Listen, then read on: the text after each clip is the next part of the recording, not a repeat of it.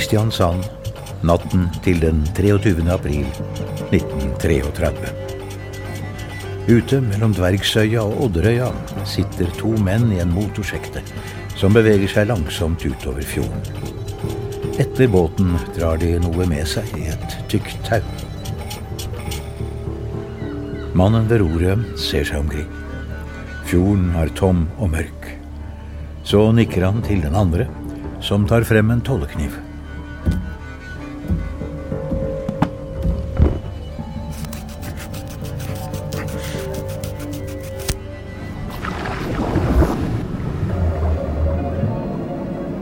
Begge blir liggende lent over ripa og se på noe som forsvinner ned i det mørke vannet.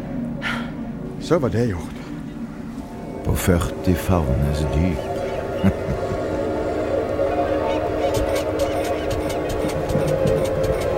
Så legger de roret over og setter kurs inn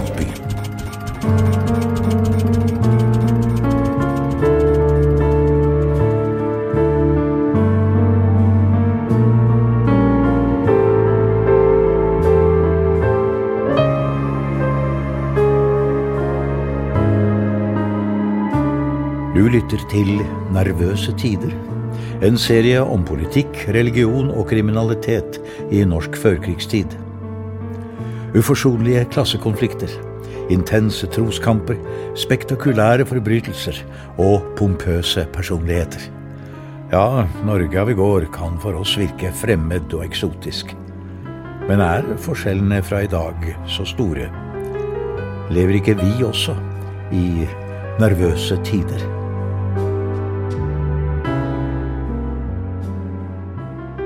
Mørkt og skummelt. Ja, det kan vi love at det blir i denne historien. Jeg heter Terje Embeland. Jeg heter eh, Torstein Arisholm. Og historien vi nå skal fortelle, den har vi valgt å kalle I Sørlandets natt. En historie om mord, moralpanikk og fascisme i Kristiansand i 1933. Noe så fryktelig. Jeg orker nesten ikke å høre Dette er bare om man kan vente seg med denne jazzen. Forferdelig hvordan de danser omkring til disse kannibalske Ja, forferdelig. Og så bare unge gutter. Stakkar. De må jo være aldeles villfarne. Ja, kremen av vår tids ungdom. Alle disse gangsterfilmene de viser på Aladdin. Er det slikt vår ungdom skal læres opp i? Måtte Vår Herre bevare oss mot den slags blasfemi og styggedom. Det dreier seg om en av de mest sjokkerende kriminalsaker fra 1900-tallets Norge. Ja, og den fant sted eh, for nøyaktig 90 år siden. Men i dag er den likevel nesten helt glemt. Ja, den har jo vært gjenstand for en viss oppmerksomhet, både lokalhistorisk og, og i en annen podkast også, faktisk. Jo, jo, men eh, den aller viktigste siden ved denne saken er i hvert fall helt glemt, for ikke å si fortrengt. Og det er nettopp dette jeg tenkte vi skulle konsentrere oss om. Og, og det er eh, Den politiske siden. Denne saken utløste nemlig også en heftig debatt om fascismens ideologi. I arbeiderpressen ble den tolket som et illevarslende tegn på at fascismens sadistiske og umenneskelige tankesett hadde vunnet innpass blant norsk ungdom. åpenbar relevans til i dag, ja. Fascistiske strømninger florerer jo stadig. Nettopp, eh, men på konservativ side ville man jo overhodet ikke høre eller akseptere denne politiseringen. Her ble hele saken tolket som et bevis på hvor skakkjørt tidens såkalte jazzungdom var blitt. Jazzungdom, ja. Aner jeg en smule moralpanikk? Mm, det gjør du. Eh, Men noe annet som gjør denne saken så interessant, er at den involverte noen av tidens mest kjente offentlige skikkelser, og en del av dem drar vi faktisk kjensel på i dag. Og hvis det skulle startes et parti, så vil jeg si jeg er ikke med på noe partiunntagen. Det het Anders Langes parti. Mindre skatter og avgifter. Eh, Det der var jo Anders Lange. Nettopp. Stifteren av eh, Anders Langes parti til sterk nedsettelse av skatter, avgifter og offentlige eh, inngrep. Forløperen til Fremskrittspartiet. Hva i all verden har han å gjøre med en kriminalsak på 30-tallet? Vel, det skal vi komme tilbake til senere. Men la oss begynne med begynnelsen, i hvert fall det tidspunktet da denne saken eh, først nådde offentligheten.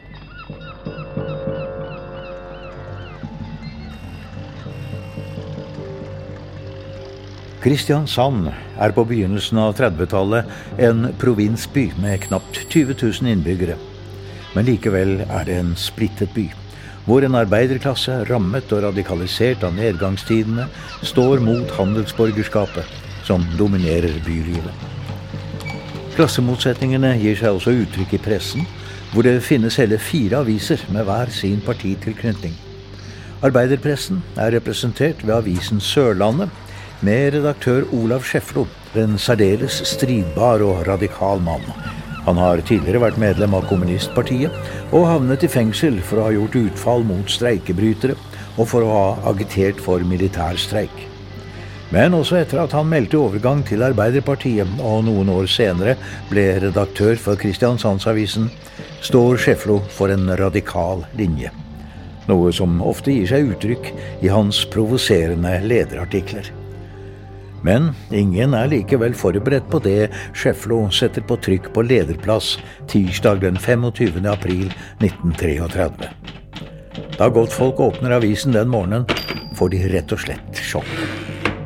Ja, selv hans kolleger i arbeiderpressen holder pusten. Uhyggelige rykter går i byen. Kristiansand har i disse dager fått et samtaleemne, så sinnet står i kok. Og befolkningen venter utålmodig på at politiet skal kunne bringe fullt lys over saken. Etter denne illevarslende innledningen presenterer Schäflo de ryktene som svirrer i byen. To av Kristiansands unggutter, beste sort bymåger, fra god familie, 20-åringene Walter Hjelm Berntsen og Gunvald Nattvig Johnsen, og deres yngre venn Klaus Barth, er mistenkt for assuransesvindel etter at en hytte på Andøya som de bygget sammen, brant ned noen uker tidligere. Under denne hyttebrannen pådro Barth seg en skade som måtte behandles på sykehuset. Der ble han liggende til like etter påske. Nå lar Scheflo bomben springe. Den unge Barth var lørdag fremdeles så dårlig at han måtte gå med armen i bind. Klokken 16 var han på sykehuset for å få skiftet forbinding. Ved 17-tiden var han sammen med sine to kamerater. Deretter gikk han hjem, men forlot hjemmet igjen allerede klokken 19. Etter dette klokkeslettet er han sporløst forsvunnet. Berntsen og Johnsen erklærer at de ikke har sett Barth etter at de var sammen med ham om ettermiddagen.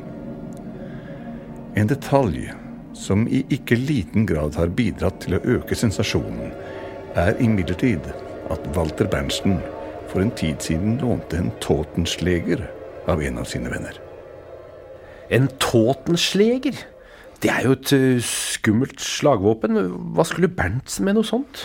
Det er selvsagt det Scheflo også vil ha sine lesere til å spørre seg. Mm. Og her dukker uh, de politiske sidene ved denne saken frem for første gang. Ja. Ja, en Totensleger er jo ikke noe som hvem som helst hadde tilgang til. Nei. Men det var en del av den faste utrustningen i det såkalte Samfunnsvernet. Ah. Og det var en hemmelig bevæpnet høyre-radikal organisasjon som var opprettet på 20-tallet for å settes inn mot streiker og revolusjonsforsøk. Hmm. Dette, dette, må da ha vært helt uhørt i norsk presse. Jeg mener også knytte Walter Hjelm Berntsen og Gunvald Nattvik Johnsen til Klaus Barths mystiske forsvinning, og samtidig til et slikt dødelig våpen. Det er jo nesten å anklage dem for mord.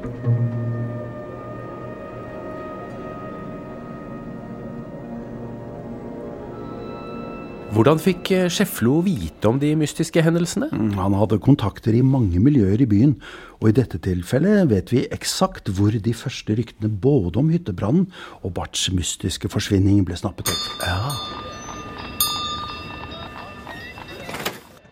Jaså, er det Walter og Gunvald? I dag igjen? God dagen. Ja, god dagen, Hustad. Men uh, Walter, uh, skulle ikke du fortsatt ha vært på skolen? Har du skufta nå igjen? Pass på så jeg ikke forteller overlærer Junker at det er her du henger i skoletida. Nei, i dag har jeg faktisk fått halve dagen fri. Jaså, Og ja, ja. Og Dagny passer butikken for meg i ettermiddag. Godt du har en så tjenestevillig søster, da, Gunvald. Men uh, hvor er han Klaus? Han har jo ikke vært her på ei god stund. For han uh, ligger vel ikke stadig på hospitalet? Nei, men vi har ikke sett snurten av han i, i det siste. Jaså? Ja, det var jo trist. Han har vel skaffa seg andre venner, tenker jeg. Ellers så Ellers så henger han sikkert i skjørtene på mamma. Men se her. Jeg har fått eh, fri for å samle inn underskrifter for Dompost Kobo. Å, få se. Vi protesterer mot oppførelsen av teaterstykket Guds grønne enger og Nationaltheatrets forhånelse av folkets syn på de hellige verdier. Mm. Ja, du skriver vel under du også, Hustad? Ja, nei, det her må jeg nok tenke litt på. Men jeg har ikke fått inntrykk av at dere er så kristelige av dere, gutter. Kristelige og kristelige, men det handler jo ikke om det. Men at det kommunistiske teaterstykket tråkker på og latterliggjør alle hellige verdier. Kirke, familie, slekt og rase. Det undergraver jo den grunnvoll som hele vår nasjon bygger på. Og nå vil dere ut og kjempe for de hellige verdiene. Ja ja, lykke til med det, gutter. Men eh, hva kan jeg ellers hjelpe med? Jo, vi skal på tur med fritidsklubben eh, og trenger en ny sekk. Den gamle brant opp i hytta.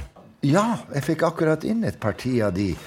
Skal vi se her eh, Men du må gi oss en god pris, altså, Hustad. Ja da, faste kunder som dere gir eh, rabatt, kan du skjønne.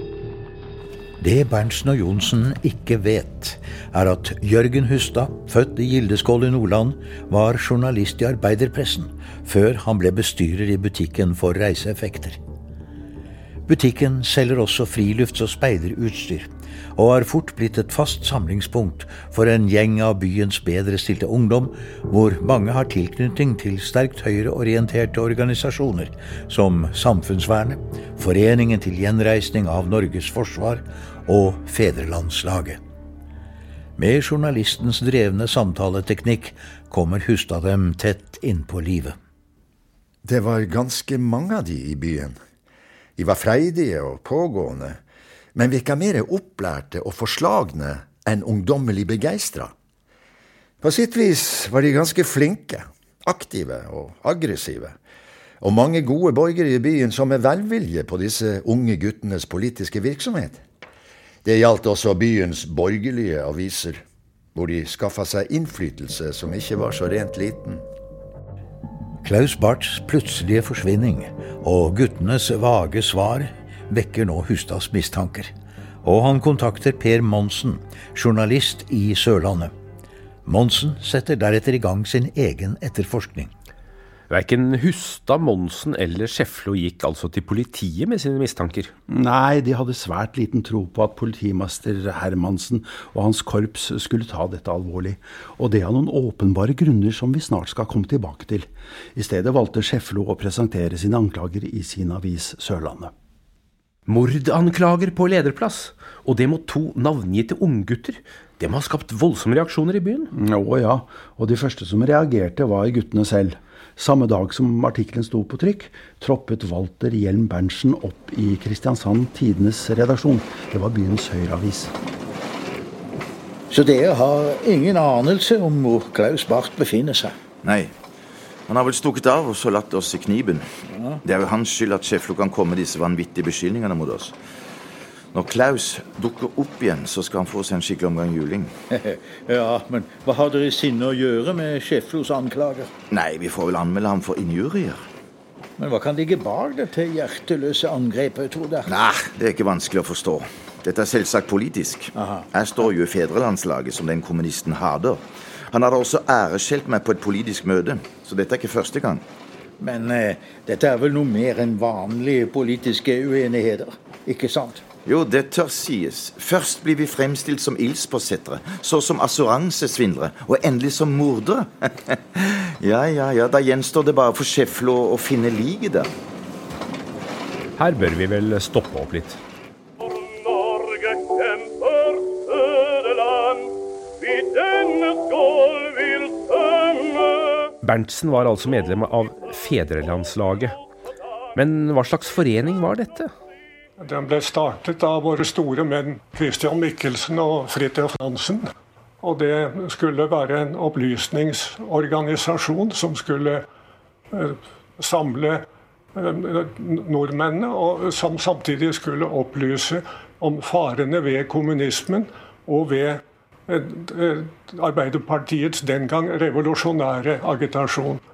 Fordi at vi var redde for at hvis Arbeiderpartiet den gang kom til makten, så ville vi i virkeligheten bli styrt fra Moskva. Slik forklarer Walter Fürst, tidligere aktivist i Fedrelandslaget, formålet i et opptak fra 1980-tallet. En slags eh, borgerlig forsvarsforening mot kommunismen, altså? Ja, det var slik de likte å fremstille seg. Men det Fürst glemmer å nevne, er at fedrelandslaget også ville ta et oppgjør med hele det parlamentariske demokratiet, og etablere en sterk regjering over partiene, som det het, for å hamle opp med arbeiderbevegelsen. Ja, slike antidemokratiske holdninger kunne vel eh, ganske lett lede over i fascisme? Ja, Walter Fürst selv han meldte snart overgang fra fedrelandslaget til Vidkun Quisling og Nasjonalsamling. Akkurat. Og hva med hans navnebror, Walter Hjelm Berntsen, og, og vennen hans Gunvald Natvik Johnsen? Ja, Nasjonal Samling ble først dannet i mai dette året, 1933. Men svært mange av de unge aktivistene i fedrelandslaget sympatiserte allerede sterkt med fascismen og med Hitler. Og det gjaldt også Walter Hjelm Berntsen. Hans venn Gunvald Natvig Johnsen ser ikke ut til å være like politisk aktiv. Men han hjalp eh, Berntsen eh, med å dele ut eh, løpesedler og samle underskrifter og arrangere møter. Og det er nettopp denne organisasjonstilknytningen som fikk Scheflo til å skrive sin famøse lederartikkel, ja. Ja, for ham hersker det ingen tvil om fedrelandslagets fascistisk anløpende ideologi, og den trusselen det, samfunnsvernet og andre slike grupper utgjorde. Dette synet delte han med hele arbeiderbevegelsen, La oss høre hva Einar Gerhardsen har å si om dette mange år senere. Frem med knyttneven, det eneste språk arbeiderne forstår, skrev Nasjonen, som da var regjeringsorgan.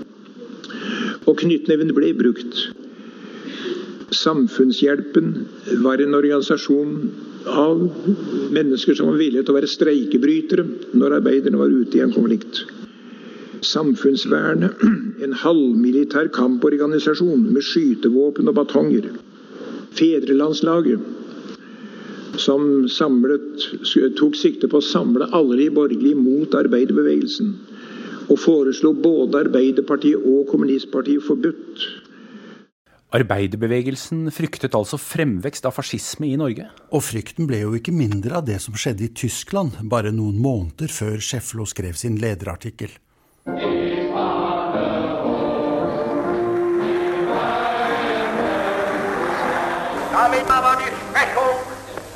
Des gesamten Volkes, damit die Verelendung dieses Volkes und damit den Verrat gerade an der Klasse.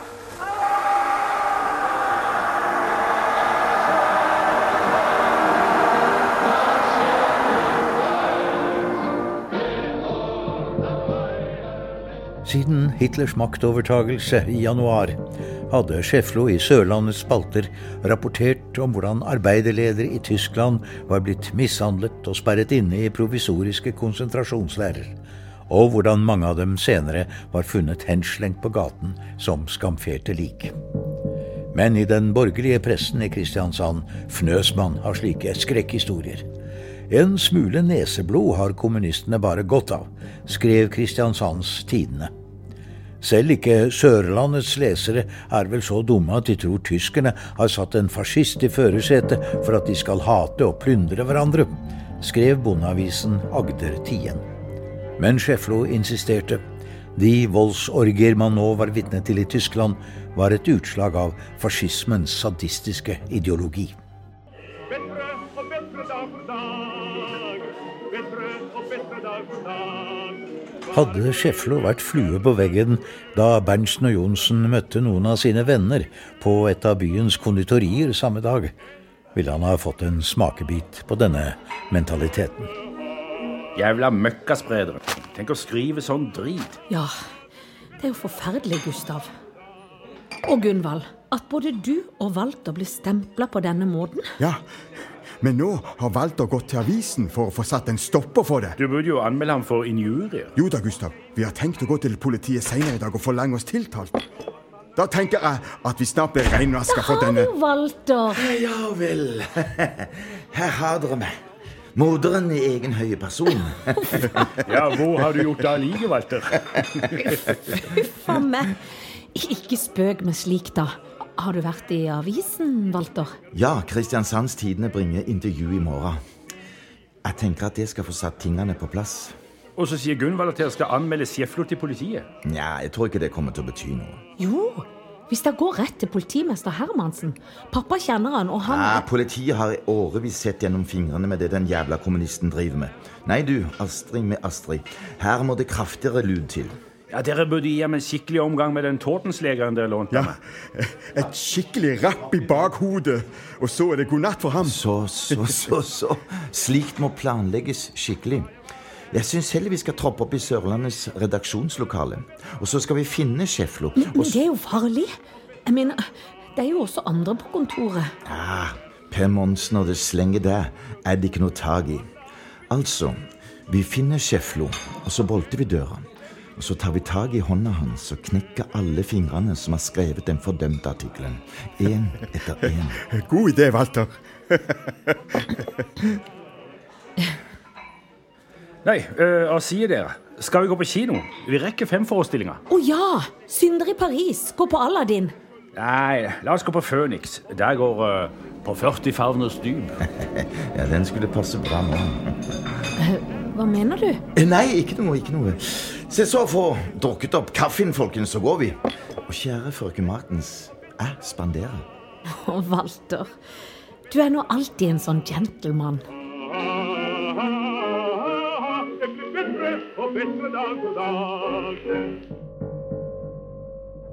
Selv om de brave kristiansandsborgere neppe ville godkjent Berntsen og Johnsens metoder, så har harmen over redaktørens artikkel spredd seg i byen. Berntsen er jo en riktig ung gentleman, og sønn av direktøren i Søndenfjelske Mineralvannkompani. Heis flagget. Kristelige og moralske er guttene også.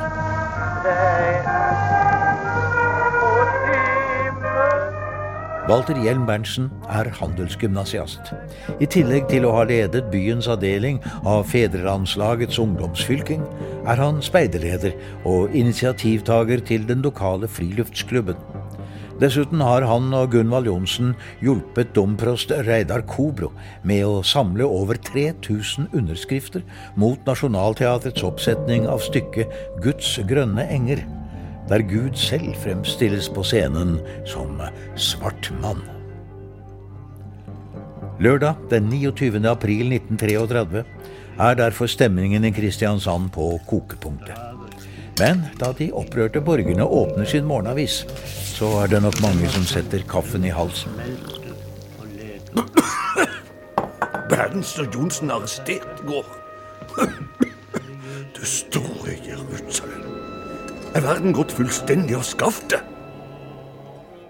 Til tross for Schäfflos mistanker om at politiet foretok seg altfor lite i saken, hadde politifullmektig Christian Wilhelm Rynning Tønnesen etter hvert påbegynt en diskré etterforskning av hyttebrannen på Andøya, eh, som det gikk så mange rykter om.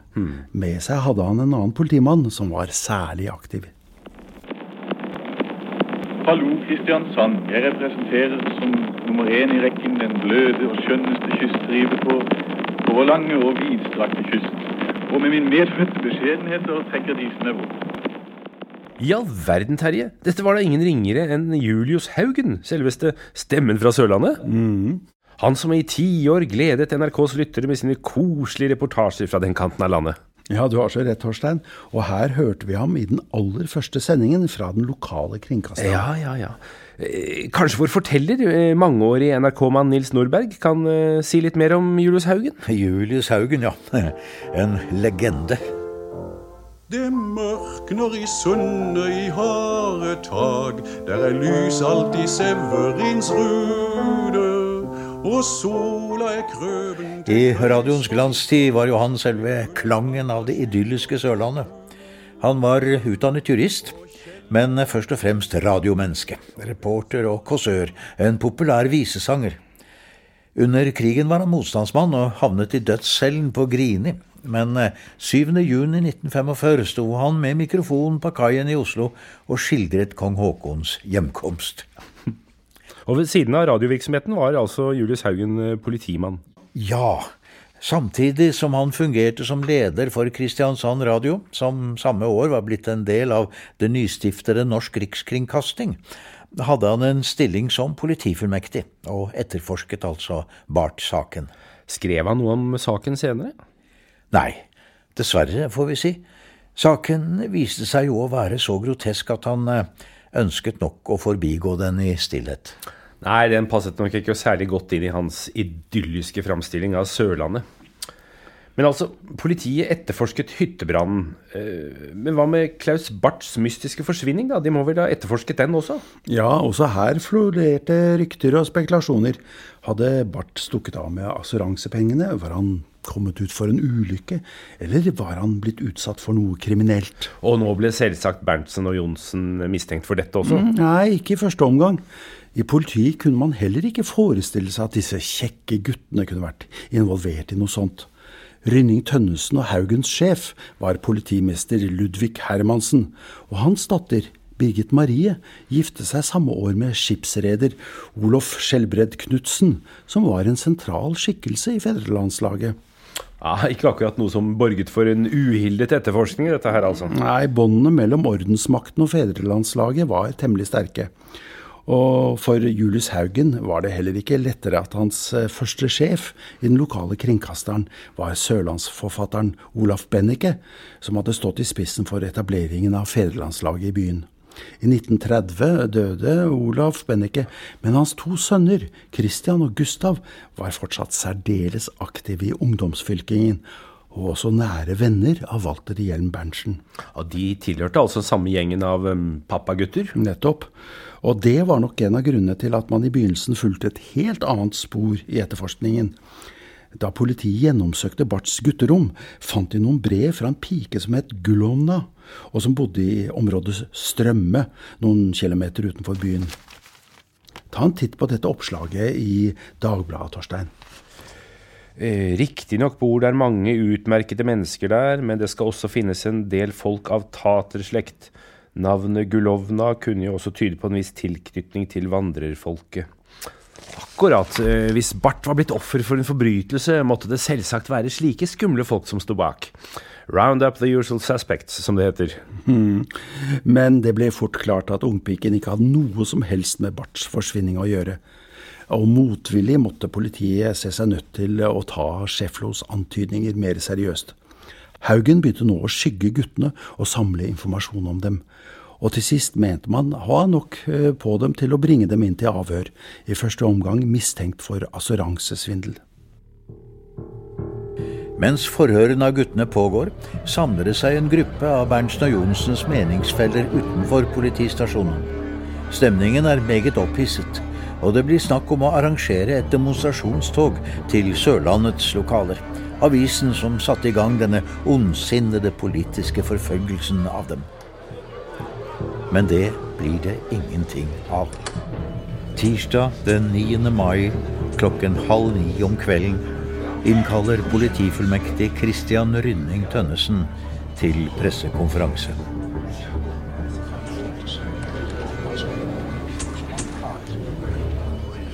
Politiet kan meddele at Walter Hjelm Berntsen og Gunvald Natvik Johnsen i dag har tilstått brannstiftelsen på Andøya.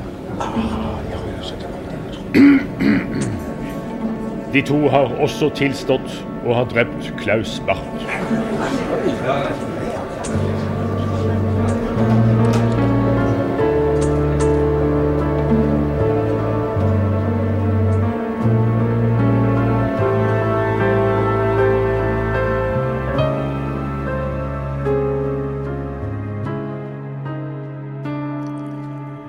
Har lyttet til Nervøse tider. En dokumentarserie om politikk, religion og kriminalitet i norsk førkrigstid. Og første del av I Sørlandets natt. En historie om mord, moralpanikk og fascisme i Kristiansand 1933. Programledere og historiefaglig ansvarlige var Terje Embeland og Torstein Arisholm. Tekniker og produsent Roy Knutsen. Musikken var ved Åsmund Feidje og Svarte Svingene.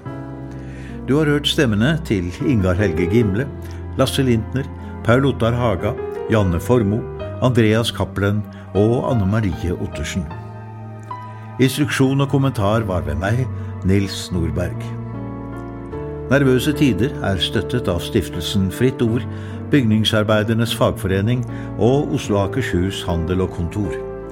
Og distribueres av plateselskapet Nummer 13.